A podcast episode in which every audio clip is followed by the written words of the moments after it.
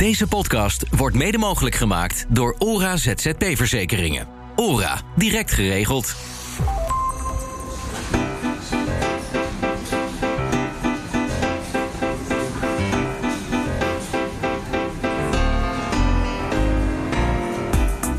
Leuk dat je luistert naar ZZP Café, de podcast voor eigen bazen. In deze eerste aflevering hoor je waarom mensen eigenlijk ZZP'er worden. Je bent gewoon conciërge tot en met CEO eigenlijk. Autonomie en controle over werk-privébalans bijvoorbeeld. En belangrijker nog, hoe je nou een vliegende start maakt. Ik ben echt gewoon letterlijk begonnen. Ik heb, ik heb elke wethouder van Brabant gewoon gebeld. Maar laat ik beginnen met mezelf voorstellen. Ik ben Nina van den Dungen. Ik ben zelf ZZP'er sinds 2010 en werkzaam in de nieuwsjournalistiek. Vooral actief bij de radio, als presentator en nieuwslezer. Nu maak ik dan deze podcast. In 10 afleveringen hoor je alles over ZZP'en. Met wisselende gasten en experts heb ik het over tarieven bepalen, onderhandelen, jezelf blijven ontwikkelen en hoe jij nou die leukste klus binnen kan halen. Elke aflevering heeft één thema en daarin hoor je ervaringen en tips waar je hopelijk net zoveel aan hebt als ik. En nu dan, op naar het ZZP-café. Wil jullie iets te drinken hebben? Lekker, ik wil wel een cappuccino. Cappuccino? Mij groene thee alsjeblieft. Groene thee? Ik een zwarte koffie graag. Zwarte koffie? Ik een dubbele espresso alsjeblieft. Dubbele espresso? Komt u aan, jongens. Dankjewel. We maken deze podcast vanuit barbrasserie Danel naast station Utrecht Centraal. En het is vandaag warm, dus we zitten lekker eh, op het terras. Dus je hoort waarschijnlijk wel wat stadse geluiden op de achtergrond.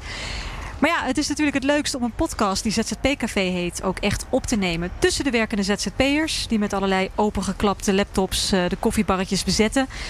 We zitten hier met een eh, podcastset met microfoons op tafel en eh, in totaal met z'n vieren. Ik heb tien afleveringen lang één vaste gast. Dat is mijn sidekick. Die zit er alle tien afleveringen bij. Hugo-Jan Ruts. Hij is ZZP-expert en hoofdredacteur van Zipconomy. Hugo-Jan, welkom en leuk als jij jezelf even voorstelt. Ja, nou, dankjewel voor de uitnodiging. Want ik eh, vind het hartstikke leuk om hier een bijdrage aan te, leveren. Ja, ik heb uh, het platform Zipconomy opgericht 12 jaar geleden. En uh, dat is eigenlijk een soort di discussie- en kennisplatform. Over zelfstandigen, maar ook voor zelfstandigen. En het sluit eigenlijk wel aardig aan met de serie die we hier gaan maken. Volgens mij mensen toch een beetje aan nadenken zetten van, van waarom ben ik ondernemer en uh, uh, wat is daar nou leuk aan en wat ja. is daar wat minder leuk aan. Maar ook voor de opdrachtgevers als zelfstandigen. Want voor hen is het ook wel goed om te weten van nou ja, wat, wat, wat leeft er nou in die wereld. Ja, ja. En nou ben je dus geen zelfstandige meer, want jij hebt personeel. Nou, ik ben wel zelfstandig, maar ik ben zelfstandige met personeel. Ik ben geen ZZP meer. Dus Nee. ik heb wel personeel in dienst. Ja, op een gegeven moment groeit je bedrijf. ik werk ook heel veel met freelancers, maar ik heb ook mensen in dienst. En hoe lang ben je ZZP'er geweest? Echt zonder personeel? Oh, dat is een beetje af en aan gegaan, maar uh, een jaar of acht of zo. Acht. Ja. Wat was jouw belangrijkste core business? Ik ben uh, vroeger organisatieadviseur en interim manager geweest. En uh, eigenlijk Zipconomy, dat is wel mijn, mijn hoofdactiviteit nu al voor een jaar of vijf. We hebben twee uh, leuke gasten uitgenodigd. Bas van Spreeuw en uh, Shanne-Marie van den Groenendaal. Stel jezelf even voor, Shanne-Marie. Nou, mijn naam is dus Shanne-Marie van den Groenendaal. Ik ben docent en promovenda aan Tilburg University. En de afgelopen vijf jaar heb ik onderzoek gedaan naar de loopbaanontwikkeling van ZZP'ers. En in die tijd heb ik zoveel ZZP'ers gesproken en ondernemerschap bestudeerd... dat ik heb besloten om zelf ZZP'er te worden. Ja, wat leuk. Dus uh, sinds 1 januari eigenaar van Van den Groenendaal Consultancy. En ik specialiseer me onder andere in coaching voor ZZP'ers... en advies aan organisaties die ZZP'ers inhuren. Hoeveel uh, ZZP'ers heb jij gesproken voor je onderzoek, denk je? Uh, nou, over de 100 sowieso. Over de 100? Ja, echte interviews. En wat wil je dan echt uit het onderzoek halen? Nou, met name omdat je in, de, in het nieuws heel vaak de ZZP'er ziet voorbij komen. En ik geloof gewoon niet dat die bestaat. Uh, dus ik wil vooral door te kijken naar een loopbaanontwikkeling... de heterogeniteit uh, in kaart brengen. Ja, en wat is dan bijvoorbeeld een conclusie die uit jouw onderzoek komt? Nou, sowieso dus dat uh, ZZP'ers verschillende redenen hebben waarom zij ZZP'er worden. Dus dat het echt al in het begin een bepaalde heterogeniteit veroorzaakt. Maar ook als je kijkt naar hoe ze vervolgens het avontuur vormgeven. Ook daar zie je gewoon dat mensen verschillende manieren hebben hoe ze met bijvoorbeeld de onzekerheid van ZZP'er uh, zijn omgaan. Mm -hmm. uh, dus ook daar zie je gewoon dat het geen homogene groep is. Leuk, komen we straks nog op terug. Bas, uh, eerst even aan jou de vraag om je voor te stellen. Hoi, ik ben Bas van Spreeuw. Ik werk als uh, interim directeur, bestuurder en als uh, dagvoorzitter. Dus twee soorten klussen eigenlijk die ik als, als ZZP'er aanneem. Het lijkt eh, eigenlijk helemaal niet zo op elkaar, toch? Nee, niet uh, op het eerste, eerste gezicht. Het is eigenlijk ontstaan doordat ik als directeur af en toe werd gevraagd om congressen te openen of om als dagvoorzitter op te treden. Mm -hmm. Ik dacht, dat vind ik zo leuk, daar ga ik mijn werk van proberen te maken. En dat is gelukt? Dat is uh, redelijk gelukt, ja. ja. En uh, hoe lang ben jij ZZP'er nu? nu um, iets meer dan een jaar. Daarvoor ben ik in loondienst geweest, een tijdje, bij de gemeente Amsterdam. En daarvoor was ik ook weer ZZP'er. Ik denk dat ik toen een jaar of vijf ZZP'er ben geweest. Maar dat is eigenlijk heel interessant. Want je bent vijf jaar ZZP'er. Dan besluit je om, althans ik neem aan dat het een keuze was ja. om in loondienst ja, te gaan. klopt. Je kreeg een aanbod, of hoe ging dat? Ja, de, de, een, een, aanbod. Uh, misschien onbewust toch ook wel zelf gezocht. Uh, ik, ik, werkte voor die opdrachtgever. Dat was toen de gemeente Amsterdam als ZZP'er, als adviseur. Ja. En daar kwam daar een vacature vrij en een beetje ges, gesmoest met elkaar. Uh, tegelijkertijd kreeg ik toen mijn eerste kind. En ik dacht, weet je, het is een mooi moment om eventjes wat zekerheid te zoeken. Uh, dus ja, ja, dus dat is echt de keuze voor de zekerheid op dat ja, moment. dat was toen de keuze voor de zekerheid. De ja. hypotheek, dat je die altijd kan betalen. Nou, dat uh... niet per se, maar meer uh, even de focus op mijn gezin. Ik had -hmm. natuurlijk al vijf jaar vanaf redelijk jonge leeftijd als zelfstandige gewerkt. En af en toe ook flink geknald en ik wist wat het inhield. En toen dacht ik al even, nou misschien als ik mijn focus niet op mijn gezin wil richten, moet ik eventjes wat meer rust uh, zoeken in de zin van stabiliteit. En achteraf gezien bleek bij de gemeente Amsterdam het helemaal niet dat je dan minder hard hoeft te werken. Nou oké, okay. foutje. Nee, maar je bent nu dus sinds een jaar weer echt begonnen. Ja. Waarom heb je die keuze gemaakt om nu weer te gaan ZZP'en? Echt het, het, eigen baas zijn. Het is super cliché, maar dat ik, dat ik gewoon zelf keuzes maak en zelf de gevolgen ervan draag. Van hoe klein uh, een bepaalde keuze ook is. Dus koop ik iets wel of niet tot en met uh, hoe intensief ga ik uh, proberen deze opdracht binnen te halen. Ja. Um, dus dat, dat, daar kan ik wel echt van genieten. Dus het zelf mijn agenda bepalen. En uh, een, een, stukje zoeken naar jezelf. Hoe, ver, hoe ga ik die balans goed, goed, goed organiseren? Ja, nou we komen zo meteen te Ja. spreken over hoe je jezelf nou als startende ZZP'er een vliegende start geeft. Want dat Ja. is natuurlijk wat je graag zou willen. Ehm, Hugo Jan, jij bent natuurlijk hoofdredacteur van Zipconomy. Eh en ja, ook een ZZP-expert. Ik wil jou... ehm, Oeh, lekker. De koffie Ja, en de thee. dankjewel. De cappuccino was voor Ja, voor mij. deze kant. Heerlijk, dankjewel. Een dubbele espresso. Dat is voor mij. Ja, Dankjewel. een van de, van de, de redenen waarom van onze drijfveren achter ons eh, eh, kennisplatform is wel om zoveel mogelijk van de feiten uit te gaan. Ik denk Ja. dat er rond zelfstandig ook best wel een boel fabels eh, zijn of negatieve, Dankjewel. dankjewel, een negatieve beeldvorming. Dus wij vinden het altijd wel heel belangrijk om vanuit de, de feiten te gaan, die te presenteren en ook af en toe eens eh, wat factchecks eh, te doen. En Ja. dan kom je, krijg je toch een heel ander eh, beeld. Maar Eh, ik vraag jou eh, elke aflevering om eh, een paar feiten over het ZZP'en. Ehm, zodat we gewoon weer een beetje algemener ook per thema weten. Wat speelt er nou en waar denk je misschien niet meteen aan. Maar is wel een feit. Ja. Wat heb jij nu voor ons meegenomen? Nou, als je het over, over starten hebt, dan is het natuurlijk wel interessant om waarom starten mensen eh, nou? Ehm, en eh, da- daar heb ik eventjes eh, bij de CBS-cijfers gekeken. En daar staat toch, toch duidelijk bovenaan dat mensen een, een nieuwe uitdaging zoeken. 39% geeft dat als belangrijkste reden om voor zichzelf te starten. En dan gaat het ook om nieuwe. Vaak zijn dat mensen die uit de loopbaan komen, maar zich daar toch blijkbaar niet voldoende kunnen, kunnen ontwikkelen. Of zelf willen bepalen wanneer ik werk, dus de, de, de flexibiliteit. Mhm. En gewoon niet meer voor een baas willen werken. Dat zijn eigenlijk de belangrijkste eh, motieven. Ehm, en, en dat zijn eigenlijk toch wel een soort van positieve startmotieven. En de negatieve van nou, ik kan geen baan vinden of, of, of mijn werkgever wil dat. Die staan helemaal onderaan dat lijstje. Dus, nou, Het is eh, vaak echt wel een keuze. Hè, het is, het, is, het is vaak wel een, een, een eigen keuze en, en wat minder door de omstandigheden gedwongen dan af en toe in de publieke opinie nog wel eens eh, het, het, het zo lijkt in ieder geval. Ja. En je tweede feitje? Nou, de tweede gaat over hoe lang ben je nou ZZP'er. En, ehm, en, en vooral van hoe lang houden mensen het vol. En ik vind het toch wel een opvallend cijfer hoor. Eh, dat, dat 55% van alle Z- eh, ZZP'ers na vijf jaar geen ZZP'er meer is. Na vijf jaar al niet meer. Na vijf jaar al niet meer, ja. En, en een, een deel is zijn dat mensen die na vijf jaar personeel hebben. Dan ben je geen ZZP'er meer. Dat is maar een heel klein percentage hoor, dat is maar 5%. Maar iets van 30% is daarna, wordt weer werknemer. En eh, nou ja, dat zei Bas net ook al. Ik, ik geloof ook wel dat Voor sommige mensen is het echt een keuze voor het leven. Ik word ondernemer. Dat zie je een aantal, eh, bijvoorbeeld in de, in de bouwindustrie, blijven mensen veel langer uh, zelfstandigen. Maar vooral in de dienstensector zie je wel dat mensen kiezen voor een bepaalde fase meer van nou, nu komt het me beter uit om als zelfstandige te werken. En, en maken net zo goed de switch weer naar werknemerschap. En ik geloof ook niet dat dat verkeerd is of zo hoor. Nee. Dat, dat maakt je niet een mislukte ondernemer. Bas, eigenlijk gaat dit volledig voor jou op hè? Ja, ik vind dat ook. Ik vind juist uh, vrijheid is waar het ons allemaal wel om te doen is. en daar hoort toch ook bij dat je zelf die keuze kan maken. Dus ik kan me dat helemaal volgen. Iedereen heeft zijn eigen fase in zijn leven waar het iets bij hoort. Ja. Ik weet ook niet of ik nu over vijf jaar nog steeds ZZP'er ben. Misschien heb ik wel een, BV. En is het, net als jij uh, heb, je, heb, je, heb je mensen in dienst. Ja.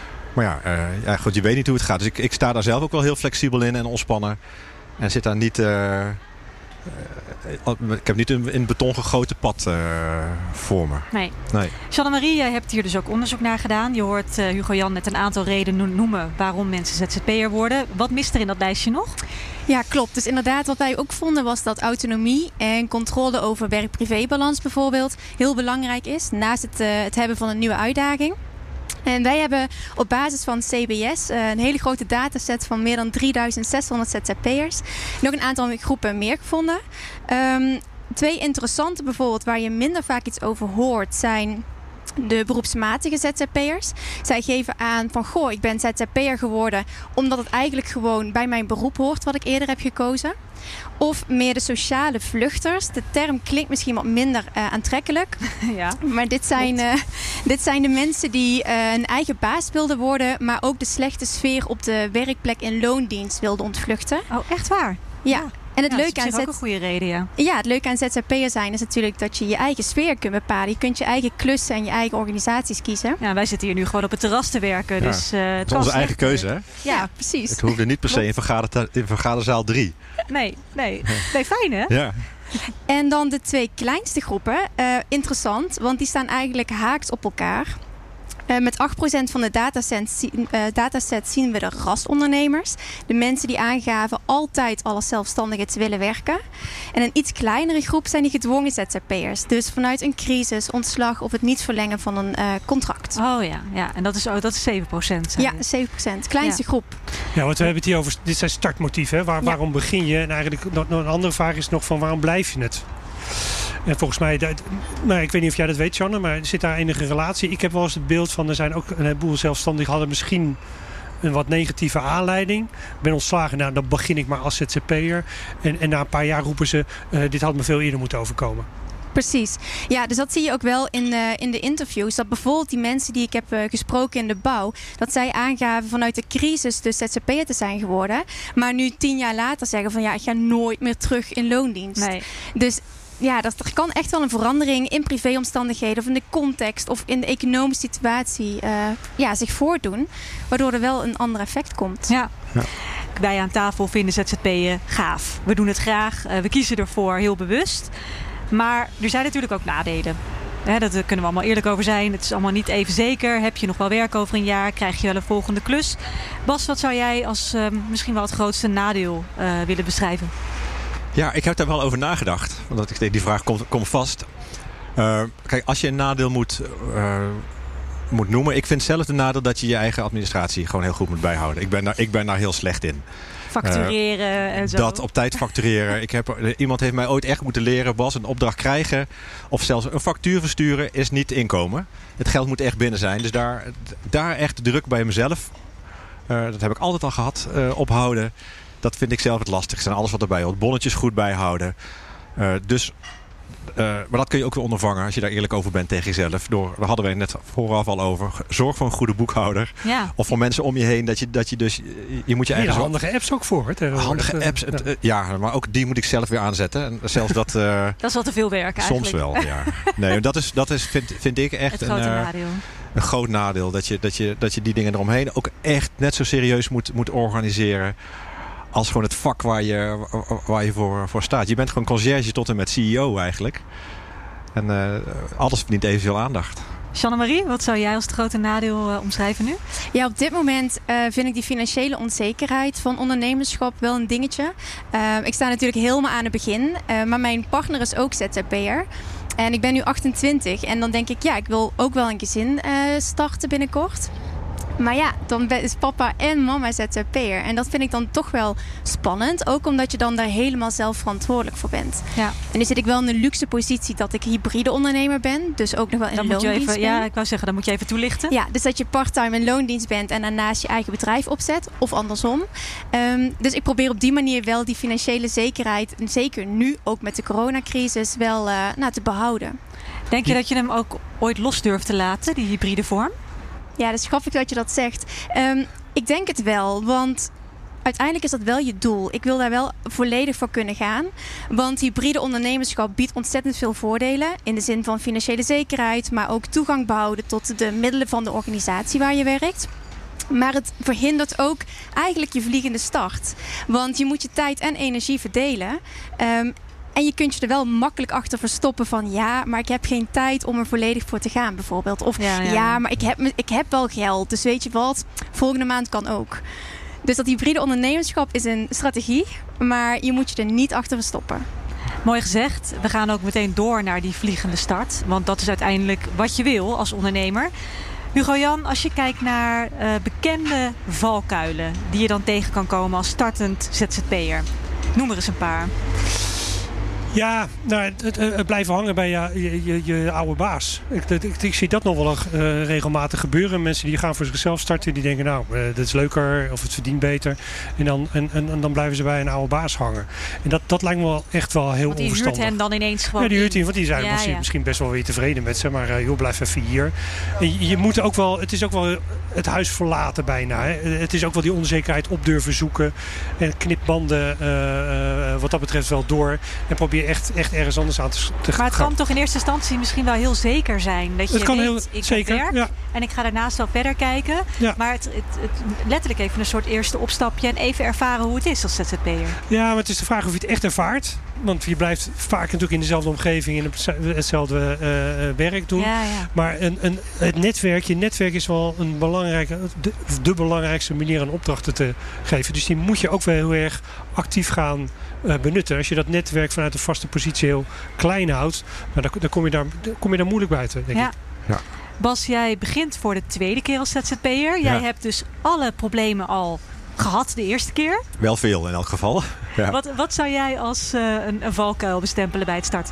Wij starten uit deze, dus eh, blijven hangen. hangen. Dat vind ik echt. eh, de echte ondernemersdrive is ook gewoon dat je echt voor jezelf kunt zorgen. En soms moet je echt gewoon even de bodem van het zwembad gevoeld hebben. ehm, om, om door te kunnen pakken. Dus ook om jezelf serieus te nemen. Dus dat, ik, ik vind dat wel echt wat jij aangeeft. Een hele, vind ik echt wel een valkuil. Andere valkuil aan het begin is dat je, dat je niet duidelijk je focus hebt. Ja. Dus dat je, dat je, dat je te veel wil doen, te veel interessante dingen die, voorbij- die voorbij komen. Ehm, Je Dus neemt misschien wel drie klussen tegelijk aan. drie klussen tegelijk kan. Als ze een beetje in dezelfde lijn zijn. Maar het kan ook in, in, in, in aard heel erg verschillend zijn. Of misschien wel ook eh, verspreid over Nederland. Ik, bedoel, ik ben op een moment zelf in zo'n valkuil gestapt. Eh, Ja, je zit in Den Helder, maar ook op Texel geloof ik. Ook op ligt, Texel, ik toevallig heel dicht bij elkaar. doe, doe ook nog wat aan Eindhoven. Dus dat is af en Oh, toe niet heel handig. Nee. Maar eh, focus. Dus dat je, dat, je, dat je te veel je focus verliest omdat je heel veel leuk vindt. En eh, dat je, je, gaat, je wordt zelfstandiger omdat je die, die eigen baas wil zijn. Je wil die eigen agenda kunnen, kunnen bepalen. Mhm. Uh, maar het risico bestaat als je je focus verliest, dat dan toch weer externe factoren die agenda voor je gaan bepalen. Ja. En dat je eigenlijk hetgeen waar je heel erg goed in bent, uh, misschien wel vier keer net niet zo goed gaat doen als, waarvoor je, uh, als, als wat je zou, zou kunnen. Ja. Jeanne-Marie? Ja, wat ik, uh, wat ik wilde zeggen of erop in wilde haken. Uit onderzoek zien we ook dat persoonlijkheid uh, een relatie heeft met het succes en de duurzaamheid van het bedrijf. Mm -hmm. En daarin zien we bijvoorbeeld dat wanneer je heel conscientieus bent, doelgericht bent, discipline hebt, ordelijk werkt, dat je dan een veel grotere kans hebt op een succesvol bedrijf. Ten opzichte van de mensen die heel erg openstaan voor uh, nieuwe ervaringen. Ja, ja. Dus die meerdere paden tegelijk behandelen, bewandelen en daardoor dus focus verliezen. Dus dat blijkt ook echt uit onderzoek. Ja, grappig is dat. Dit is een enorme paradox is dit. Uh, ja, uh, ja, want, want heel veel ZZP's zijn nou juist de vrije vogels die zich willen ontworstelen aan de, de vaste kaders van het grootbedrijf en dan voor zichzelf gaan uh, be beginnen. En die hebben nou, nou juist natuurlijk een hekel aan dat conscientieuze werk. Ja. Dat is, daar voelen ze zich in gedwongen en dan begin ik maar met voor, voor mezelf. Ja. Dus een enorme paradox. Mm. Ik denk wel dat je gelijk hebt hoor. Ja. Als we het even concreet maken naar starten, wat heb je als eerste nodig? Uh, goed, een KVK-nummer is wel handig, maar je hebt een klus nodig. Ja. Bas, jij bent weer begonnen. Hoe pakte jij jouw eerste klus? Misschien is het leuker uh, toen ik Om in mijn twintig jaren begon. Uh, Ja. wij, gingen, uh, we, hadden een product, wij, wij, wij deden een, uh, aan ruimtelijke ontwikkelingen. En daar gaven we advies in. Met een, ik, ik was nog een andere jongen die ook als ZZP'er begon. En we zijn gewoon eerst even gaan kijken wie, wie bouwt er het meest? Wie graaft er het meest in de grond? Oh, dat zijn gemeentes, weet je wat? Wie gaat erover? De wethouder. Ik ben echt gewoon letterlijk begonnen. Ik heb, ik heb elke wethouder, ik zat toen in Brabant, van Brabant gewoon gebeld. Gewoon hoog in de boom. We hadden niks, we hadden ook niks te verliezen. Kon dat toen nog? Want ik denk dat je er nu niet bij komt met al die secretaresses ertussen. En Nou, zo. soms wel, soms kom je er niet toe. Maar dan vraag je aan zo'n secretaresse. Oh, begrijp ik, wethouder is niet beschikbaar. Wie kan ik dan wel spreken? En, en je krijgt altijd een naam.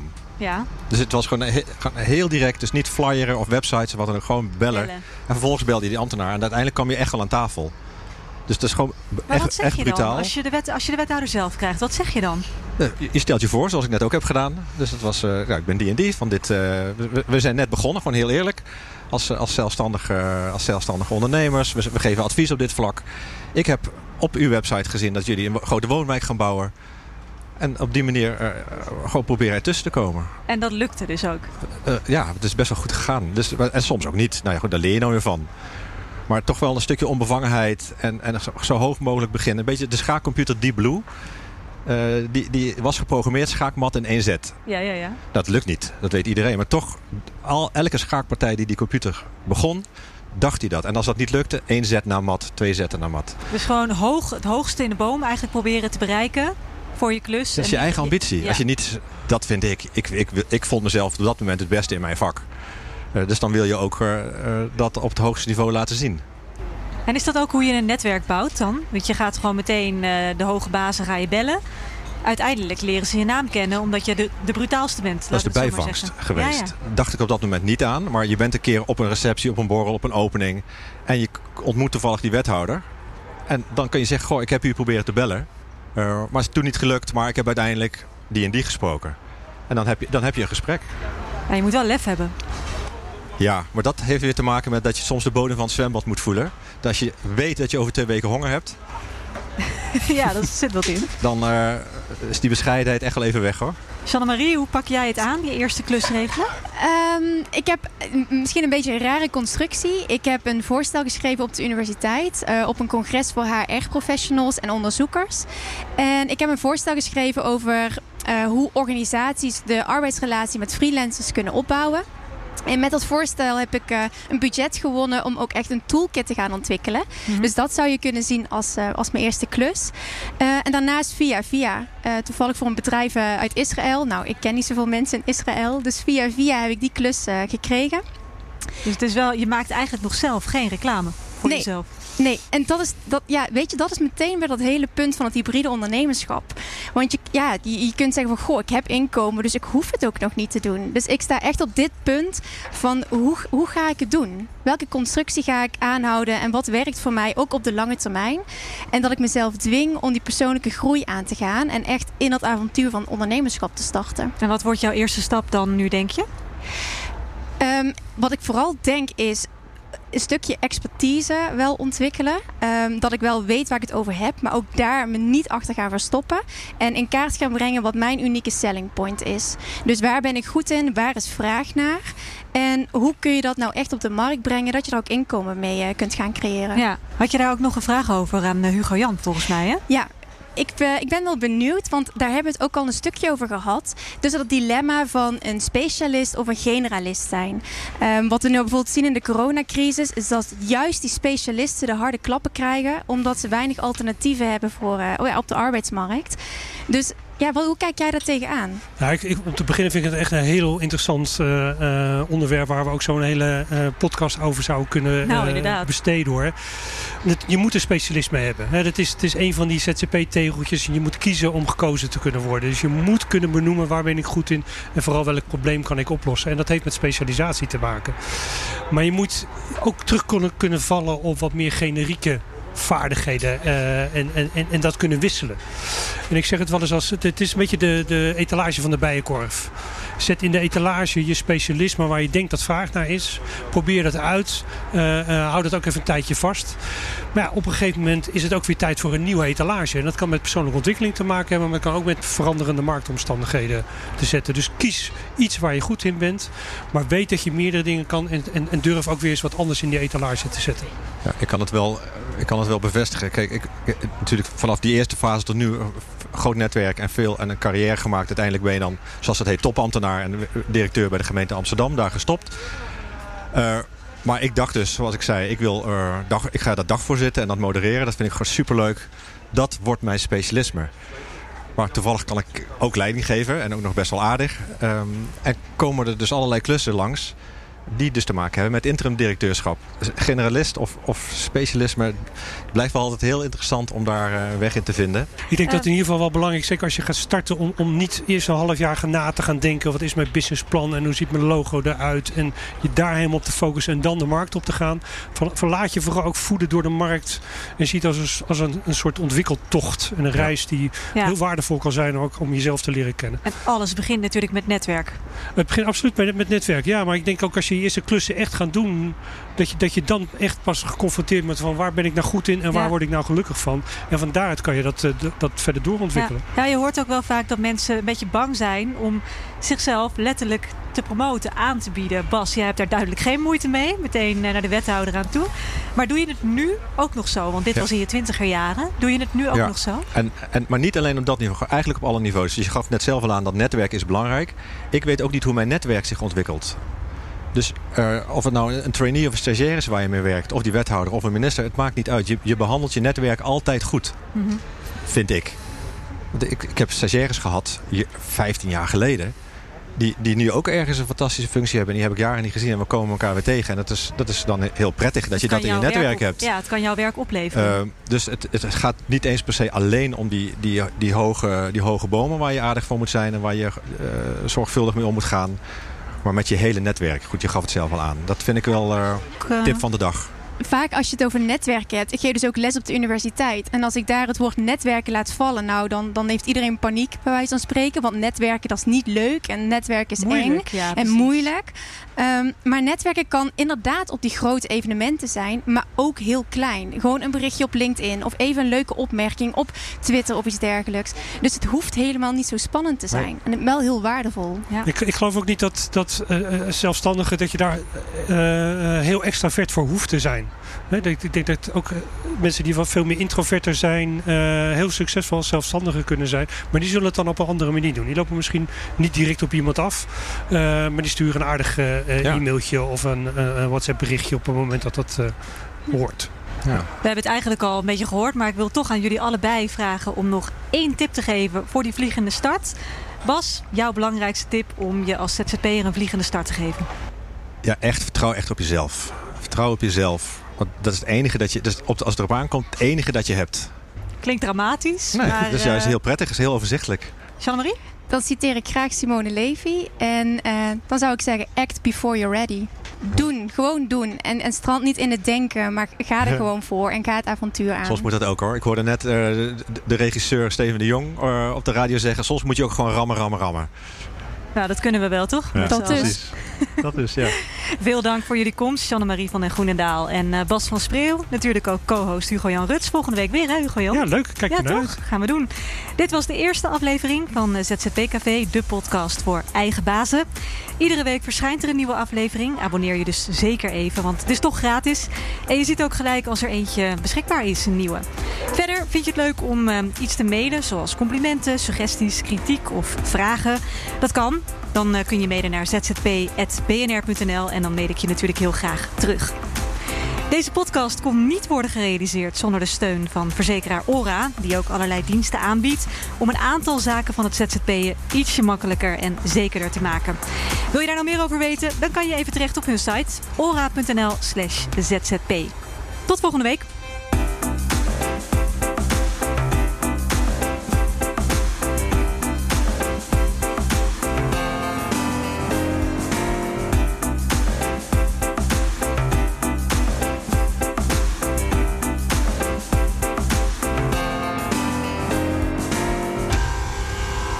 Deze podcast wordt mede mogelijk gemaakt door ORA ZZP Verzekeringen. ORA, direct geregeld.